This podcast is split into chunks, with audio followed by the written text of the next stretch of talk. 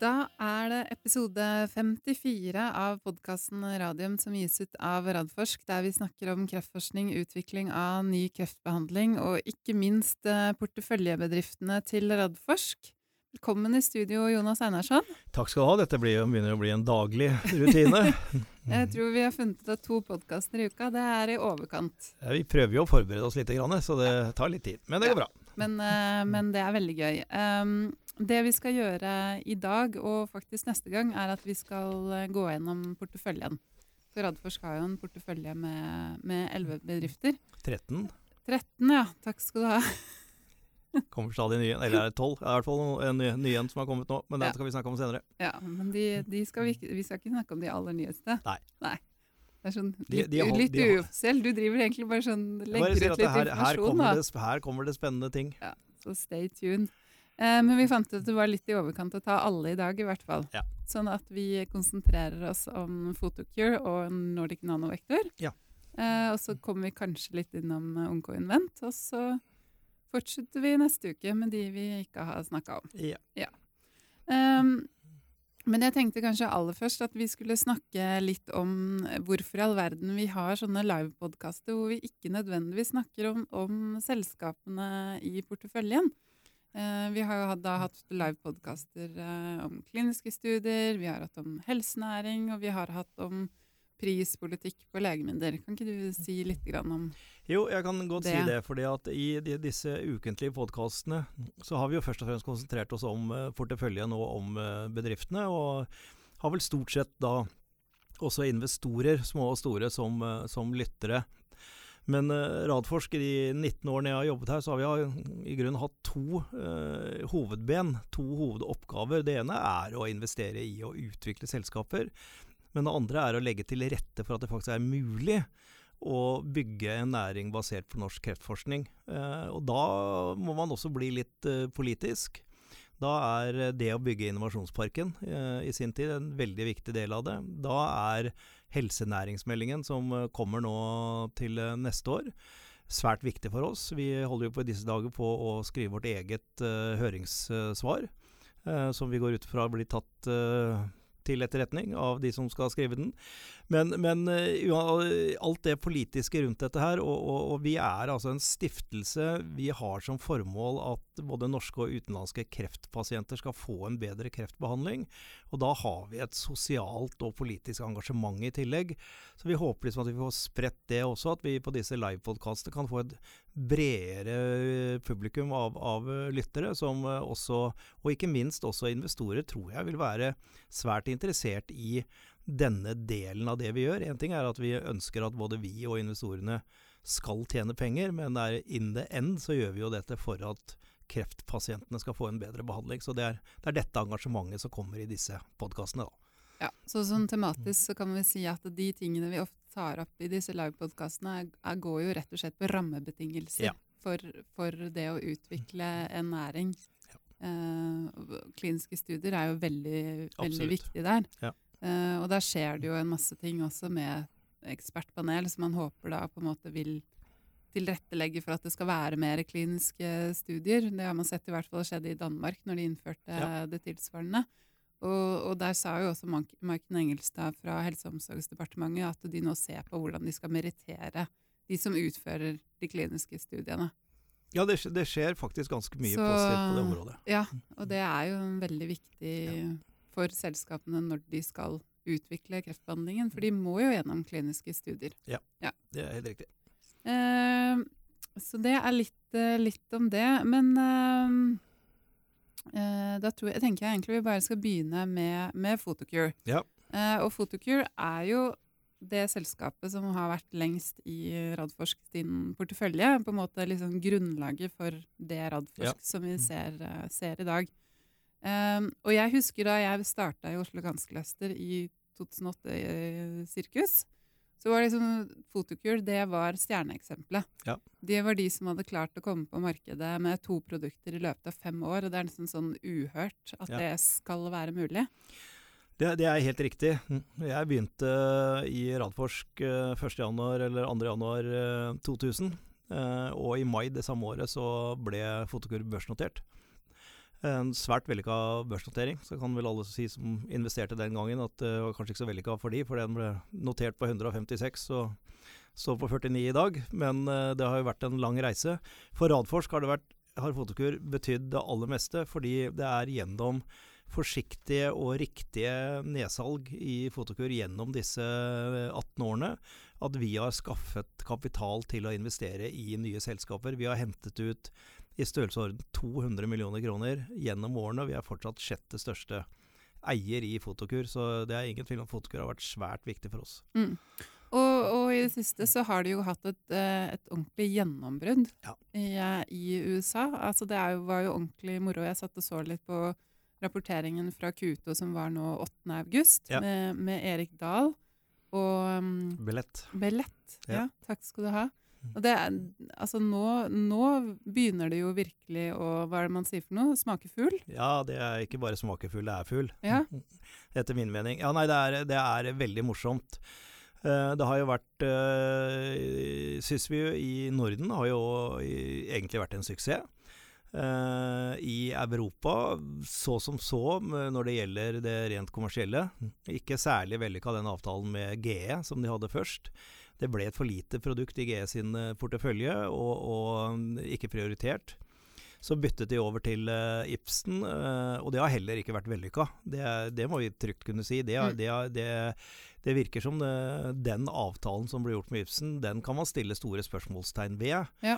Uh, og inntektene derfra har vært skuffende, og, og, kommersialiseringen sånn sett har vært skuffende fram til nå.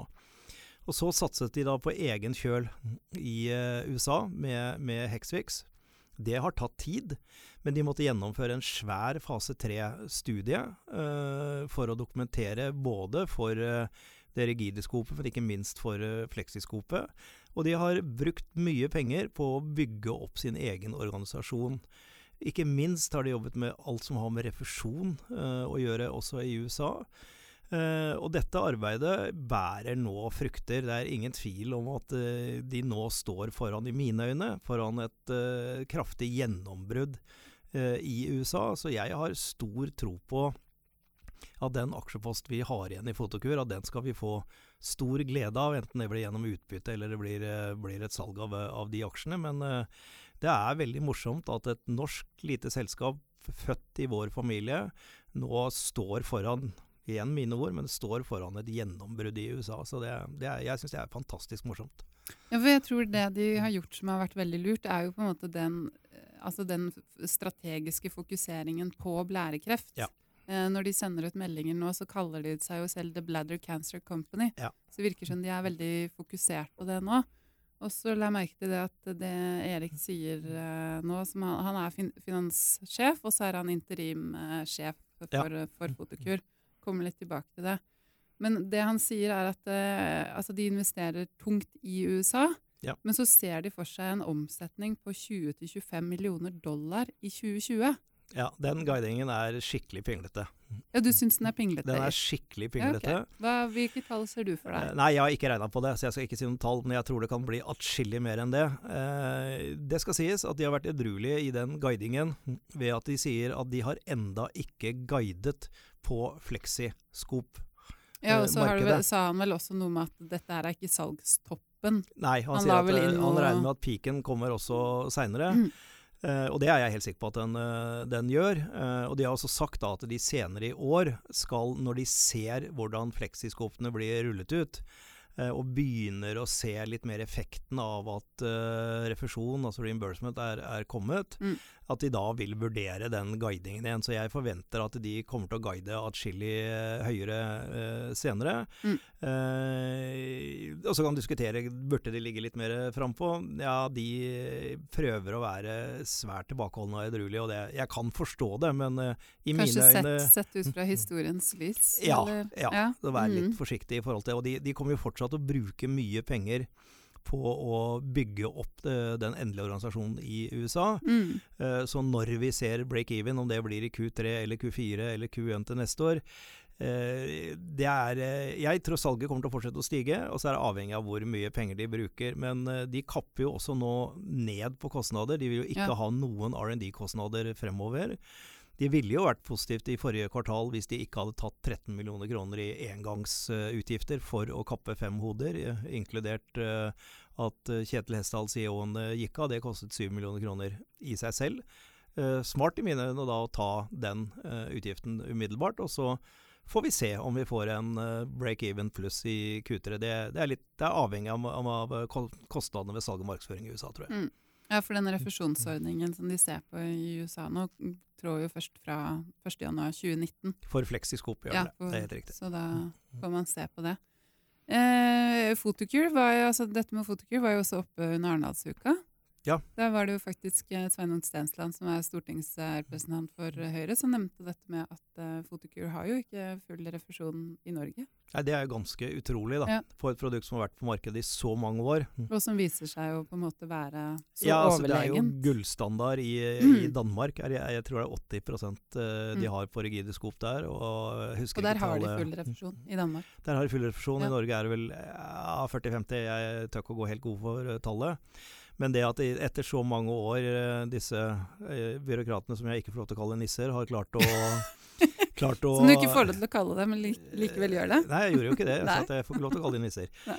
Men de har nå enda ikke da klart, eh, fordi utfordringen var at her er en blanding av lys og kjemi. Det er en blanding av et kjemisk koblet produkt som er koblet til ja. inne på operasjonsstuen. Ja, dette ble for komplisert for det. Mm. Men det er jo helt skammelig at ikke det er full refusjon, og god refusjon for dette, ja. å bruke dette i, i Norge. Skal si refusjon for selve kostnadene er greit nok, men det bør også være en refusjon for prosedyren, slik at kirurgene og sykehuset også blir stimulert til å bruke noe som er så effektivt som uh, Hexvix. Ja.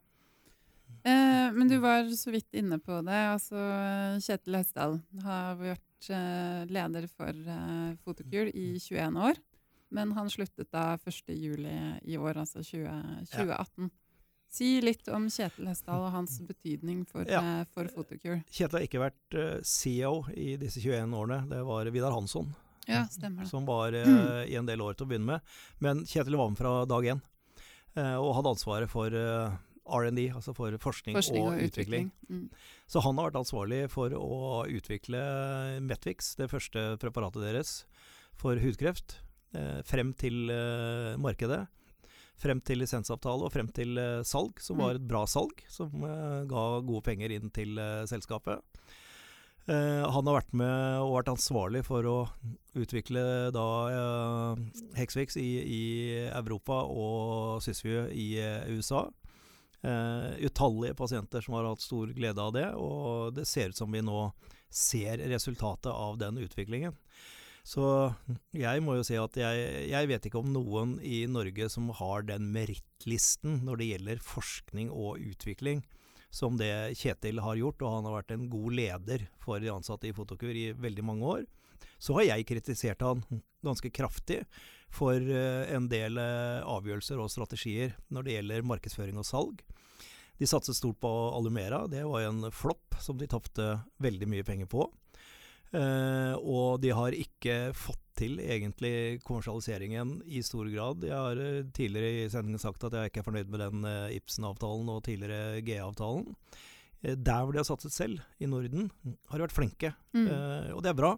Og jeg tror de nå får dette til i, i USA.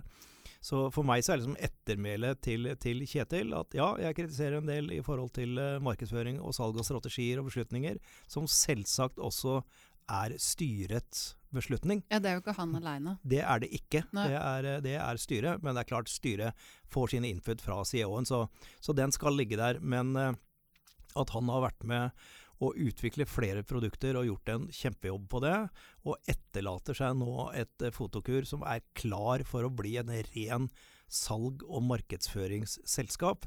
Og jeg syns det er helt naturlig at Kjetil gikk av eh, når det kommer i den eh, fasen, for det er ikke det som er hans styrke. Og Fotokur skal, tror jeg og mener jeg, ikke utvikle noen nye produkter. Det er ren salg og markedsføring, og det viser jo også denne siste avtalen. Mm. Som de kom med i går, var det det? Ja, den kom i går. Ja. Eh, eksklusiv distribusjonsavtale i Norden. Ja. Eh, hvor de har da et agentur på et produkt som kan brukes inn i behandling av blærekreft. Ja, De har altså bygd opp i Dette er Norden. Og i ja. Norden har de bygd opp sin egen salg- og markedsføringsorganisasjon. konsulentene til Fotokur kjenner hver eneste urolog i Norden som driver med, med blærekreft. Eh, de vet eh, kanalene inn til sykehusene. De kan eh, refusjon og reimbursement. Og når de er allerede dørene åpne for dem, de kommer inn og får snakke med de riktige personene. Og når de sitter der og snakker om Hexfix, så kan de stikke handa ned i kofferten og si at by the way, vi har et nytt produkt. Mm. Veldig spennende produkt, som vi nå har ansvaret for salg og markedsføring. Si kort, litt kort om det produktet. Det er et uh, produkt mm. som er et uh, det er et apparat som sørger for at man kan levere varmt vann med helt riktig temperatur iblandet cellegift. Mm. Og dette er brukt mye i det som kalles for intraperitonal behandling tidligere. Og det er inne i bukhulen eh, når man skal skylle etter at man har operert. Det er egentlig det samme området som eh, Onkoinvent eh, jobber innenfor, men da med en annen teknikk. Så, så formålet er liksom å få bort de siste restene av ja. kreftceller? Ja. ja. Som man ikke uh, har da fått skåret bort? Helt riktig. Ja. Uh, og nå, det heter HIPEC. high intraterminal intraperotonal varmt, et eller annet sånt. Uh, mens dette nye er Hivec, og det er intravesikalt, altså inne i blæren. Mm. Så det betyr at uh, det skal brukes på samme sted, og gjerne i sammenheng med at man også bruker, uh, bruker uh, Hexfix. Mm. Uh, og bør være en god utnyttelse av allerede kostnader som de har med konsulentsalgs- og markedsapparatet. Mm. Uh, så, jeg, så, en form for kombinasjonsbehandling? Nei, jeg vil, nei. Ikke, jeg vil ikke, si nei, det. det. Men du kan godt tenke deg at pasienten har vært inne kanskje med et fleksiskop og oppdaget at det er uh, kreft med, med Hexfix. Mm. Så vært inne og fått skjært bort det de ser, med, med, også da med hjelp av blålys og Hexfix. Mm. og så er én av behandlingsalternativene for oppfølging er Hivec. Ja. Uh, men det kan også være BCG-installasjon eller Hivec eller andre ting. Så der må mm. liksom dette Hivec da slåss for å finne sin plass i det markedet. Men, mm. men det henger jo veldig tett sammen. Mm. Og formålet er jo nettopp det at fordi man vet at blærekreftpasienter får jo igjen kreft ja. igjen og igjen og igjen, og sånn tar lengre tid mellom det, eller kanskje oppnå at de ikke kommer. Men ja. det siste er vel ikke helt realistisk? Nei, det, det, vil alltid være oppfølging av de pasientene. Ja. Mm. Uh, skal vi se Jo, det er en siste ting med, med Fotokur, fordi du har lest i Nettavisen. uh, Gunnar Stavrum, som er redaktør der, han har, har, hatt en litt sånn sammenblanding av at uh, da, da Kjetil Hestdal ga seg, så gikk aksjekursen uh, i Fotokur opp. Det er ikke du helt enig i? Nei, jeg eh, syns eh, det er eh, en lite bra journalistikk. Denne artikkelen sto i Nettavisen for 13 dager siden, skrevet av Gunnar Stavrum selv, med overskriften 'Monaco-investor traff blink med sin direktørkritikk'. Det spiller tilbake til en artikkel som også Nettavisen hadde, om en stor, og i dag største investor i Fotokur, Alexander Hansson. som for et år siden gikk ut og kritiserte kraftig Kjetil Hesdal og Fotokur jeg skjønner godt han var misfornøyd. Kursen hadde rast etter at han hadde, hadde investert. Eh, men han la på en måte hele skylda på, på, Kjetil, og fikk bruke Nettavisen som sitt talerør. Eh, hvilket jeg i utgangspunktet syns er litt rart. Men i hvert fall så kommer da nå, for 13 dager siden, denne artikkelen med, med denne overskriften. Eh, som da, da, også følges opp med, med ingressen 'Monaco-investor spådde kraftig kursoppgang hvis direktøren gikk'. Mm. Og Så går artikkelen ut på at eh, Alexander Hansson er en særdeles flink investor som har spådd at kursen går 20-30 hvis Kjetil Hesdal går av. Så Kjetil Hesdal blir fremstilt som den store syndebukken. Uh, og årsaken, at hans avgang er årsaken til den kraftige oppgangen vi har hatt i Fotokur.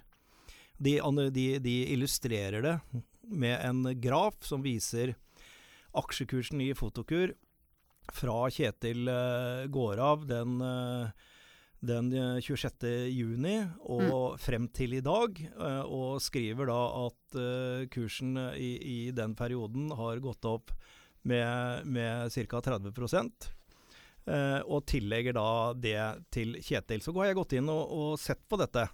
Hva er årsaken til at kursen har eh, steget så mye? Den 25. juni sto kursen i 30 kroner og 40 øre. Mm. 26. juni om morgenen melder de at Kjetil Hesdal går av. Da stiger kursen, da eh, stiger kursen til 32 kroner og 30 øre, altså med 1 krone og 90 øre. Dagen et, to dager etter, 28. juni, er den nede i 31 kroner. Eh, altså en stigning på 60 øre, som er resultatet av at Kjetil går av. Mm. Så går kursen opp og ned fram til 13. juli. Da står den på 30 kroner, nei, 13. juli til 30 kroner og 80 øre. Og 16. juli så står den i 32.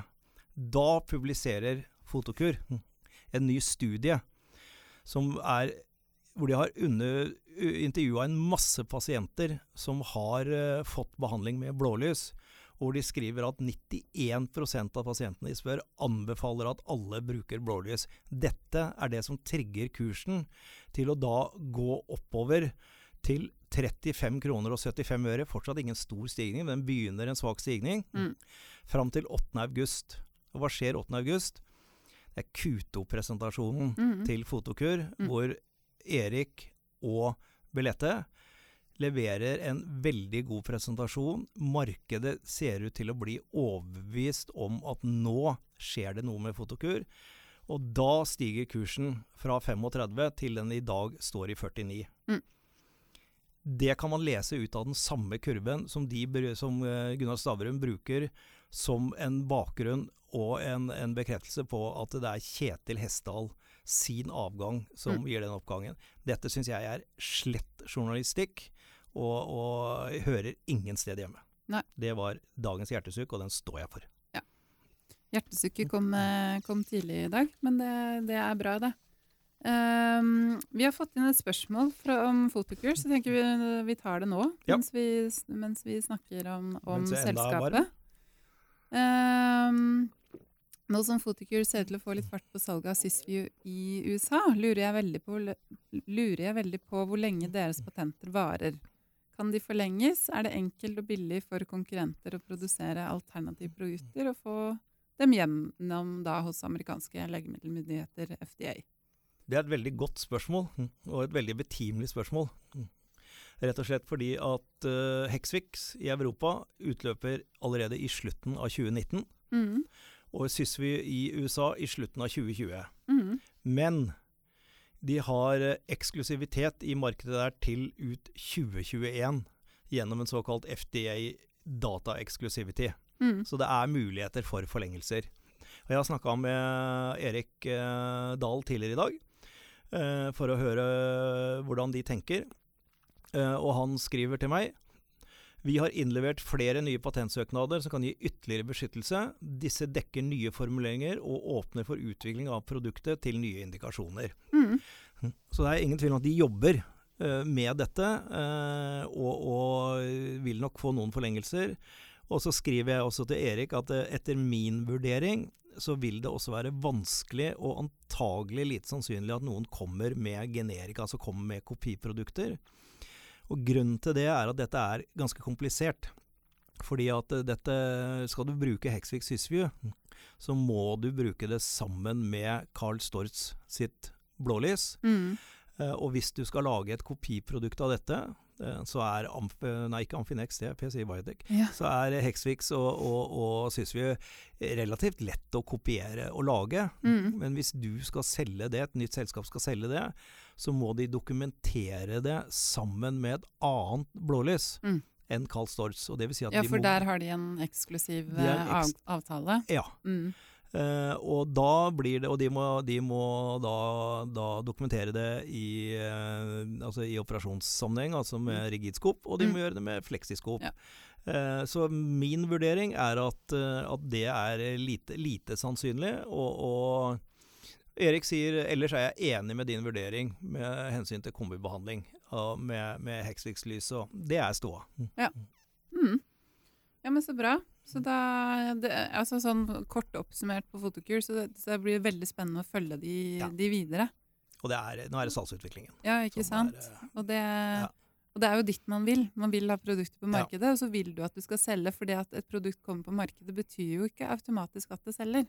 Overhodet Det er, ikke. det er jo så komplisert når det kommer til utvikling av, av eh, Ja. Behandling. Det har vi sett flere ganger. At det Mhm. er eh, produkter som får markedsføringstillatelse, og så er det ikke nok need, medical need, eller sug etter det i markedet. Det gir ikke så mye bedre resultater, det er vanskelig å få igjennom. Så, så den jobben eh, med å forberede det for markedet og få markedspenetrasjon, ja, det har vi jo sett i Fotokur hvor lang tid det tar, da. Mm, kan ta. Ja. Eh, men da skal vi over til eh, Nordic Nanovektor. Ja. Eh, og er det noe de jobber hardt med, så er det jo også markedsadgang allerede, selv om ikke de er på Ja. markedet. For det er som sagt, det må man begynne å jobbe med lenge før du, du har et produkt der. Ja. Um, jeg satt og tenkte litt gjennom uh, Man kan jo si at første halvår for Nordic Nanovektor i 2018, det var rimelig turbulent. Ja. Med både avgangen da til Luigi Costa, og så fikk de seg en skikkelig smell, eh, smell på børsen.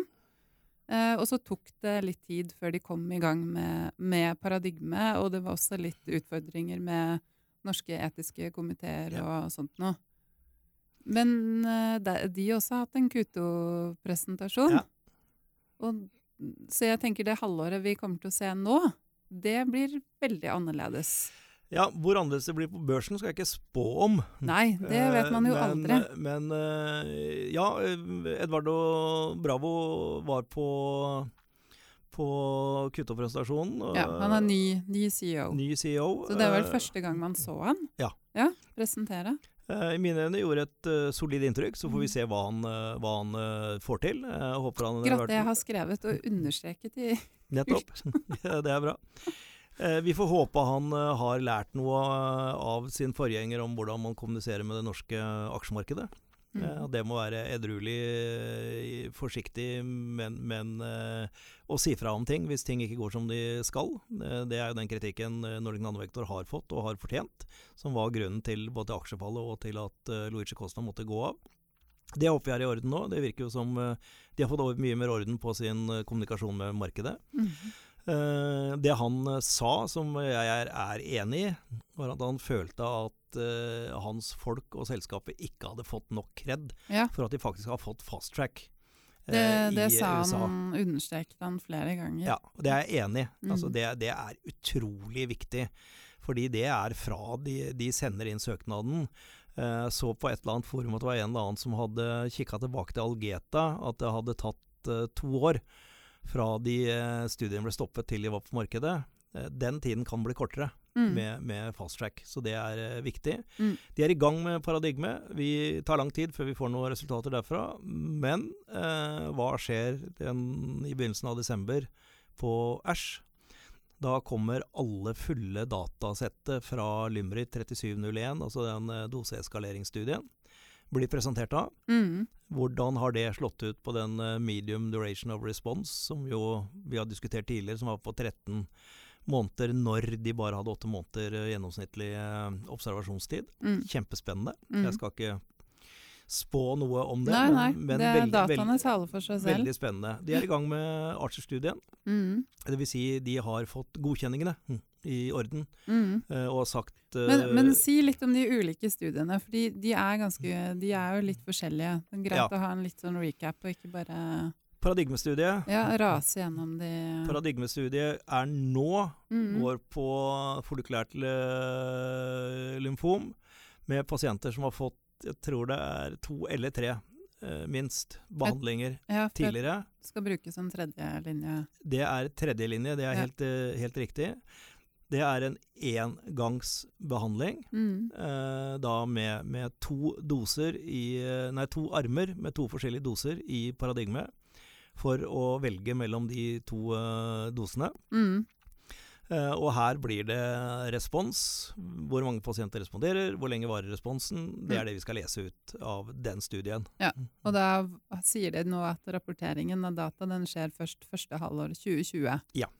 Men de har kommet langt med, med rekrutteringen.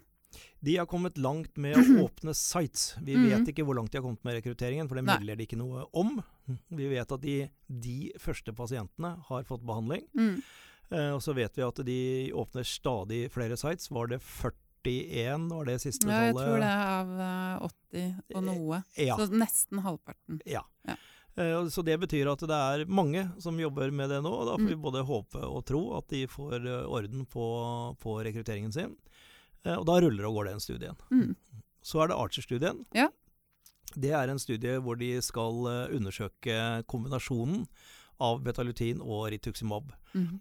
Ut ifra teorien om at pasienter som ikke lenger responderer på rituximab, de uttrykker ikke lenger CD20. Mm. Og rituximab er et antistoff mot CD20. Mm. Og hvis cancercellene har skrudd ned det, som de smart nok gjør, eh, Dvs. Si at det er alltid noen celler som ikke uttrykker CD20, og de blir ikke drept av rituximab. Og når rituximab har drept de fleste som uttrykker CD20, så vokser de, og kreften kommer tilbake. Mm. Eh, Så viser preklinisk arbeid og teorien at hvis man gir disse pasientene betalutin med CD37, så vil de eh, cellene som der overlever, de vil oppregulere CD20. Mm. Og altså i teorien igjen kunne få rituximab for å få en bedre effekt. Mm. Så får en kombinasjonsbehandling som både angriper CD37 og CD20. Kjempespennende å se. Mm. Dette er ikke noe de, som jeg har forstått det, så er ikke dette noe de skal føre fram som en egen kombinasjonsbehandling, som et produkt med store studier. Men eh, skal dokumentere at når betalutin er kommet på markedet, så bør de kunne ha nok kliniske data til at uh, legene også da begynner dette, denne sekvensielle behandlingen med retuximab og, og betalutin. Det er sånn jeg skjønner det, i hvert fall Ja, ut fra det Lisa Ja. sa. Mhm. Og der forventer de første pasient i løpet av 2018. Ja. Men så har de andre også, som du sa, med Ja. disse Lymrit. Uh, ja, Limerick-studien er jo ferdig. Ja. Uh, det var doseeskaleringsstudien, Ja, okay. som jo endte opp med at de Ja, valgte hadde, hadde to, to lovene, og Ja. valgte å kjøre begge to. mm. Så kan man diskutere om det var uh, smart eller ikke. Ja, jeg tror det. At det var en, en riktig beslutning. FDA mente at det var det man måtte gjøre. Mm. Og da man gjør som FDA sier. Mm. Det gjør man. Den siste, den siste de har, er eh, en liten studie i, med betalutin i det som heter DLBCL, diffuse large B-cell lymfoma. En svært aggressiv form for uh, lymfoma. Mm. Eh, det vet vi ikke om hvordan den slår ut. Eh, jeg er ikke helt sikker på om det blir, blir det store, men, men for all del, de, Mm. de skal prøve det. Og bare en liten rettelse der, for jeg har eh, lest og hørt og fått noen spørsmål at uh, det gikk jo ikke så bra, fordi at uh, de har nå bestemt seg for å gå opp i dose. Og da var det noen som har trodd at det var fordi den ikke virket godt nok. Ja, nei, men det, men det er ikke sånn doseeskalering Nei. fungerer. det har med toleranse å gjøre. Det nettopp. Man Mm. gir veldig liten dose med noe man ikke har prøvd for denne indikasjonen før, Mm. og så ser man om man får tolerable bivirkninger. Mm. Og hvis man får det, så får man lov til å øke dosen, mm. og det er det de har gjort nå. Og så kommer effektvurderingen mye senere. Nå mm. gjelder det å finne tox limited dose. Hvor mye kan vi gi av dette uten at det gir bivirkninger som vi ikke vil ha? Grad 3-4, som vi har snakket om tidligere. Sånn at det at de går opp i dose, er jo et veldig godt tegn. Ja, det er, det er bra. Det kroppen tåler det, ja, og så får man jo se på effekten seinere. Det er check, check 1. Uh, og så etter hvert så må man komme opp i og vurdere effekt mot toksisitet. Og det er jo det de har gjort med Limrit uh, 3701-studien, er å se ja, begge disse dosene ser ut som vi kan gi at vi får effekt, men vi får ikke så mye bivirkninger at vi ikke vil bruke det. Mm. Og da er det den som det er med det meste innen kreftbehandling. Det er balansen mellom effekt og bivirkning. Mm. mm. Men du, jeg har lyst til å snakke litt mer om eh, Eduardo Bravo. Fordi han har jo da 25 års erfaring fra biofarmasøytisk industri. Og så Det som jeg også la merke til, var at han har vært 14 år i det samme selskapet. Og, og har jo da der altså tatt det helt i markedet. Ja. Også tatt det til lisensiering og til oppkjøp. Ja. Eh, så han viste jo en vanvittig stayerevne. Ja.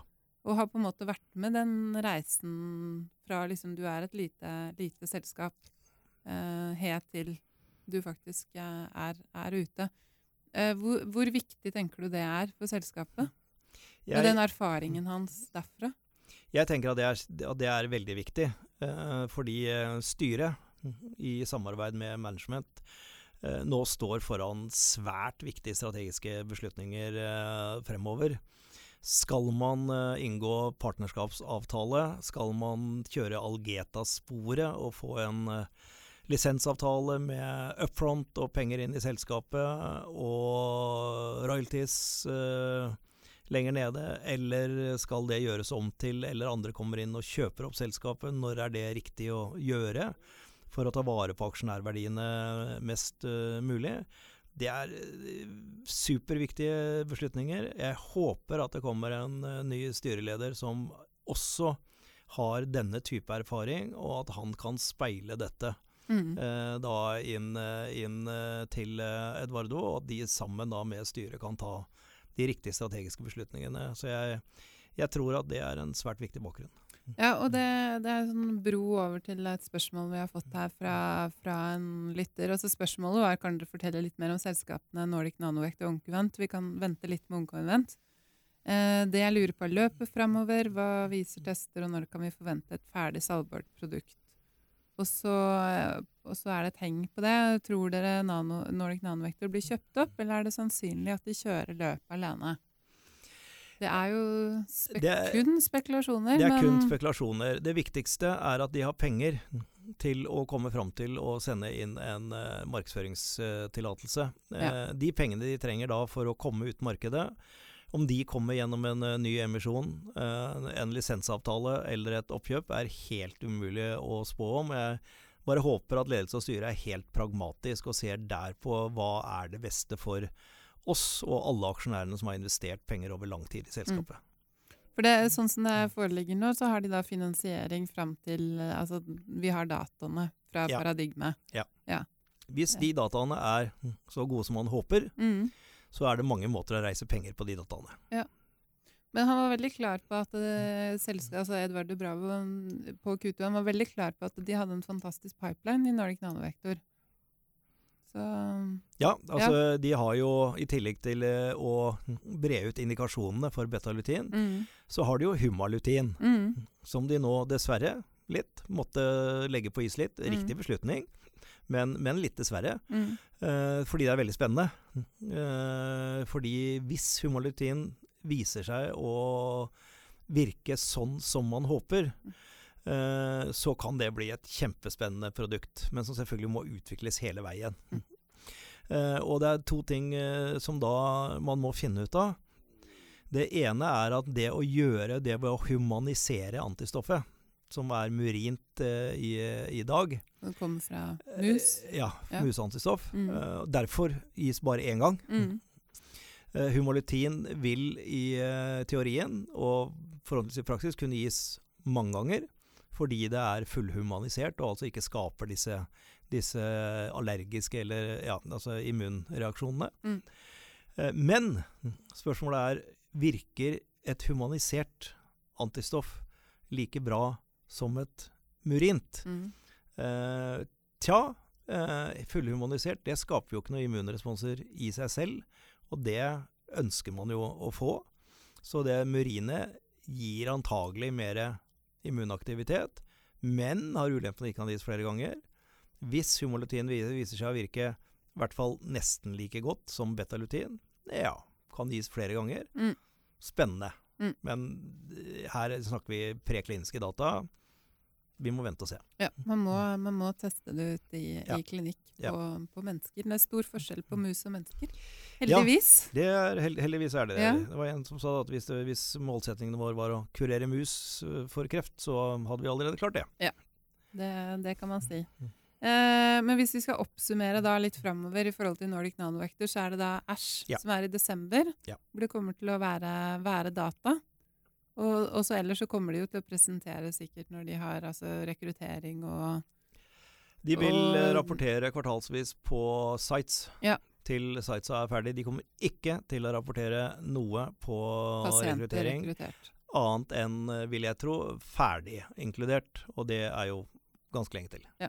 Så der eh, må man smøre seg med tålmodighet. Mm. Eh, spørsmålet om man da burde gjort interimavlesninger og den type ting, har vært oppe. Mm. Eh, dette er ikke som eh, PCI Biotech, hvor det enten så holder gallegangen seg åpen eller ikke. Her må man se over lengre tid. Eh, og de har forklart, syns jeg, veldig bra tidligere, at det mente FDA og de, at det å gjøre interimanalyse på dette kunne svekke poweren i, i, i, og statistikken eh, i, i, dette. Så, så, de har valgt å ikke gjøre det. Mm. Så, så her blir det sånn ingen nyheter er faktisk gode nyheter? Kan ja, man oppsummere det sånn? Så lenge betalutin, eller paradigmestudien, ruller og går uten at det er noe hiccups og hangups mm. i det, så er det bra.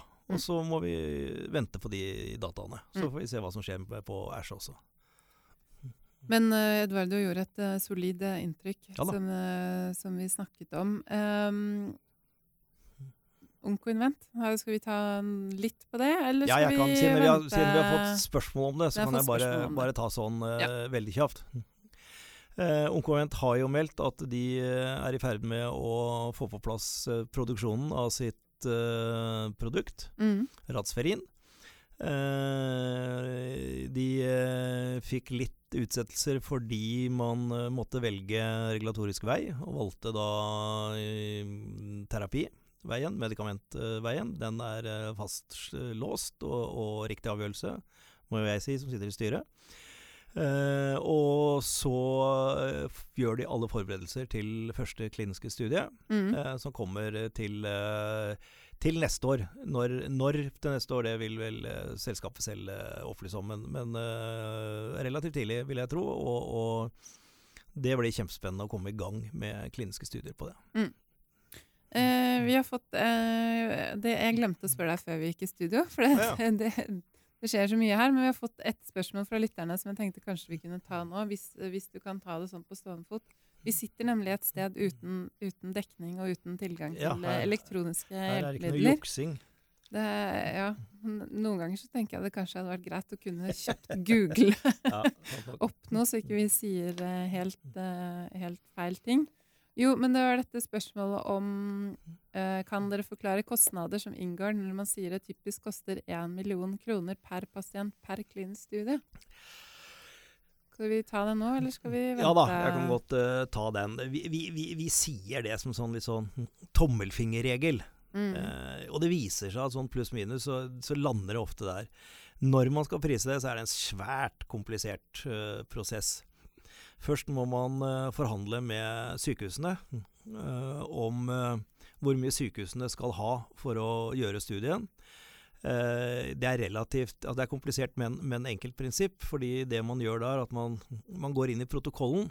Og så ser man at denne pasienten skal ha så og så mange besøk hos legen, skal ha den og den infusjonen. Vi skal ta CT, vi skal ta MR, vi skal gjøre de analysene. Og så settes det opp mot hvilken behandling ville denne pasienten fått uten å ha vært med i studien. Mm. Og hvis all behandling og tidsbruk og alt som pasienten ville fått ved standard of care, det skal ikke selskapet betale for. Mm. Det skal betale for alt som kommer i tillegg. Så det, det, legger på en måte lista for hvor mye du skal betale sykehuset. Og så må du ha en CRO, eh, som er altså de som er ansvarlige for den kliniske studien. Det er alle selskaper leier inn slike selskaper for å monitorere, følge opp studiet. En form for konsulenter ja. innenfor klinisk utvikling. Ja. Ja. Og så er det cost of goods ved å produsere produktet ditt, mm. og så er det en masse andre ting. Uh, så, så, i utgangspunktet vil man jo tenke seg at dette ville variere veldig mye, men uh, veldig ofte, spesielt innenfor immunonkologi, så havner det rundt pluss-minus én million per pasient. Mm. Så bra. Eh, vi har fått eh, et spørsmål til, men det tenker jeg vi skal vente med til neste uke, fordi det går på, på PCI. Ja. Eh, og i og med at PCI skal ha sin eh, eh, kvartals- eller halvårsrapportering skal de ha i morgen, ja. tidlig klokka halv åtte, så tenker jeg at selv om vi hadde Per er, og Rodde det er, Til alle morgenfugler, det er halv ni. Å ja, halv ni. Unnskyld. halv åtte. Uh, I og med at vi hadde Per og Ronny i, i studio i går, så, men de sier jo at det kan komme nye ting, så jeg tenker at vi tar heller PCI eh, neste, neste uke. Vi får øh, forsøke oss på en liten analyse av det som skjer i morgen. Det, Ja. Eh, og så er det eh, tusen takk for alle mm, spørsmål og kommentarer. Jeg har rett og slett ikke rukket å svare ut eh, det som har kommet inn i dag. Men det blir lest, og det blir diskutert, og så er det ikke alltid at man rekker å si, eh, svare sånn helt direkte. Sånn, sånn er det dessverre. Det, Ja. det er to podkaster i uka. Er litt sånn det, er, det er mye. Ja. Eh, men det er veldig gøy, og så er det veldig gøy å se at eh, det er jo faktisk over 500 som hørte på episoden om PCI som ble lagt ut eh, i går. Og det Vi blir jo litt sånn eh, Hva skal man kalle det for noe? Bæra? Ja, det er, det er veldig, veldig hyggelig, og jeg ser jo at det er, er stor respons. Jeg, det en, bare en kommentar til Jeg har sett noen av de spørsmålene som øh, du har fått der, og det var liksom en som som mente litt at, øh, at jeg på en måte dissa litt aksjonærene. Det var vel strengt tatt jeg som gjorde det gjennom et det- spørsmål. Ja, Men, men da kan jeg bare si at jeg har ingen, ingen bakgrunn innafor finans. Nei. Sånn det er for meg et litt sånn eh, black box. Sånn at når jeg stiller spørsmål om det noen ganger, så, så, kan det, så, så er de spørsmålene så teite som de er. Men jeg er utdanna journalist, og da har jeg lært at det er ingen spørsmål som er for dumme. Ja. Men Nei, det er klart, har, det eh, kan misforstås. Ja, og, Det, og det er overhodet ikke noe i det spørsmålet eller det vi sa som er på noen som helst måte at vi ikke har aller største respekt for de som faktisk er villige til å investere i selskapene våre. Eh, Men det er utrolig komplisert, og vi prøver å bruke podkastene til å forklare relativt kompliserte både finansielle transaksjoner og teknologi. eh, uten at det er til forkleinelse for noen som, eh, som eventuelt har misforstått eller har en annen oppfatning. Og så kan det jo være at folk er dundrende uenige òg, og det skal de jaggu få lov til. Ja, det, og det er jo viktig. Det er jo gjennom liksom uenighet og diskusjon at man får opp Ja. andre typer spørsmål og andre typer vinklinger på ting. At Ja. man, man kommer videre her i verden, hvis man skal se veldig stort på det. Ja. Det tror jeg var dagens siste ord. Eh, da sier vi takk for oss, og på gjenhør neste uke, da vi fortsetter med da gjennomgang av selskapene, og i hvert fall ta for oss Targovax, som Ja. også har hatt uh, Q2-rapportering, og PCI. Og så er det jo en del av selskapene som ikke er på børs, som vi også bør komme oss gjennom, eller så får vi ta det seinere. Ja. ja. Takk for oss.